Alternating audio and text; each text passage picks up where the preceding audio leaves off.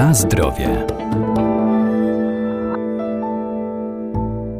Co kryje w sobie żywność, którą kupujemy? Możemy to sprawdzić na opakowaniu. Tam znajdziemy cenne dla nas informacje, a warto je czytać. To ważne, zwłaszcza podczas świątecznych zakupów produktów mięsnych. Kryterium wyboru powinna być ich jakość, a nie tylko cena czy hasła reklamowe.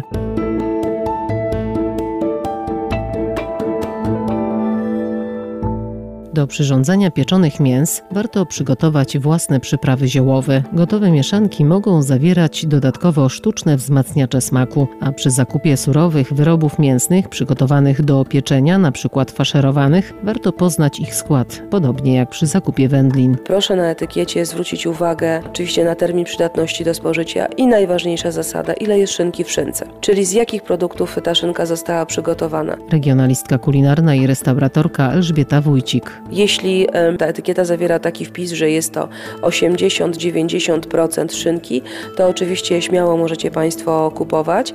Natomiast jeśli tylko taka szynka zawiera taki wpis, że jest to tylko 40% szynki, natomiast resztę są to substancje białkowe, różne inne gumy agar, to nie jest prawdziwa szynka, to są tylko i wyłącznie elementy, które zostały poddane różnym procesom technologicznym, aby wypełnić i zwiększyć objętość. Kupując elementy, które będą faszerowane, czyli na przykład kurczaka faszerowanego, udko faszerowane, kaczkę faszerowaną, zwróćmy uwagę na to, czym one są faszerowane w środku. Jeśli Państwo spotkacie na etykiecie nazwę mięso mechanicznie oddzielone od kości, jest to świadectwo tego, że do przygotowania danego produktu zostało użyte bardzo niskiej klasy mięso, które składa się z chrząstek, skórek i wszystkich pozostałości, które zostały na kościach zwierzęcych. Jeśli Państwo z kolei spotkacie, że zostało do produkcji użyta pierś z kurczaka czy kawałek e, łopatki wołowej, to znaczy, że jest to produkt właściwie przygotowany.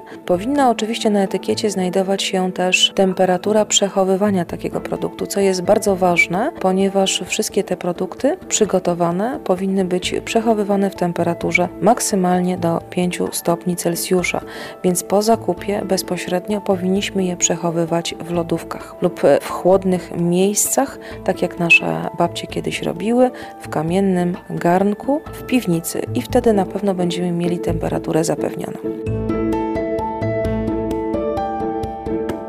Na zdrowie.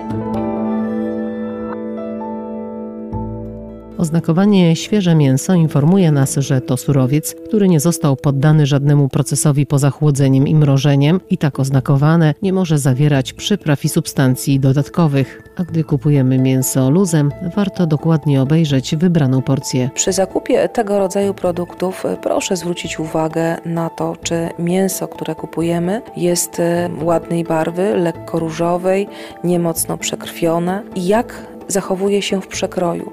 Jeśli kupujemy schab taki, który chcemy, aby był smaczny, był zdrowy, powinniśmy kupować taki schab, który ma w przekroju około 10-15 cm, a nie schaby, które mają 40 i 50 cm, ponieważ te schaby pochodzą, te takie duże, pochodzą z hodowli tak zwanych przemysłowych. Natomiast im węższy schab, tym mamy nadzieję, że pochodzi on z domowego chowu.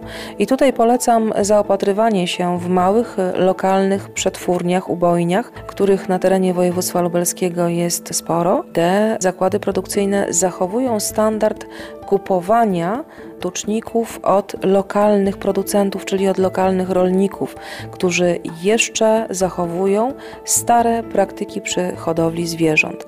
Natomiast e, bardzo często łapiemy się na tym, że szukamy promocji, szukamy tańszego produktu. Tańszy nie znaczy zdrowszy. Tańszy to oznacza, że jest to produkt e, z hodowli wielkoprzemysłowej, który jest e, hodowany na sztucznych paszach. To oczywiście jest Państwa wybór, ja polecam tradycyjne, lokalne wyroby, które przede wszystkim są przygotowywane z towarów, które pochodzą z naszego rejonu Lubelszczyzny.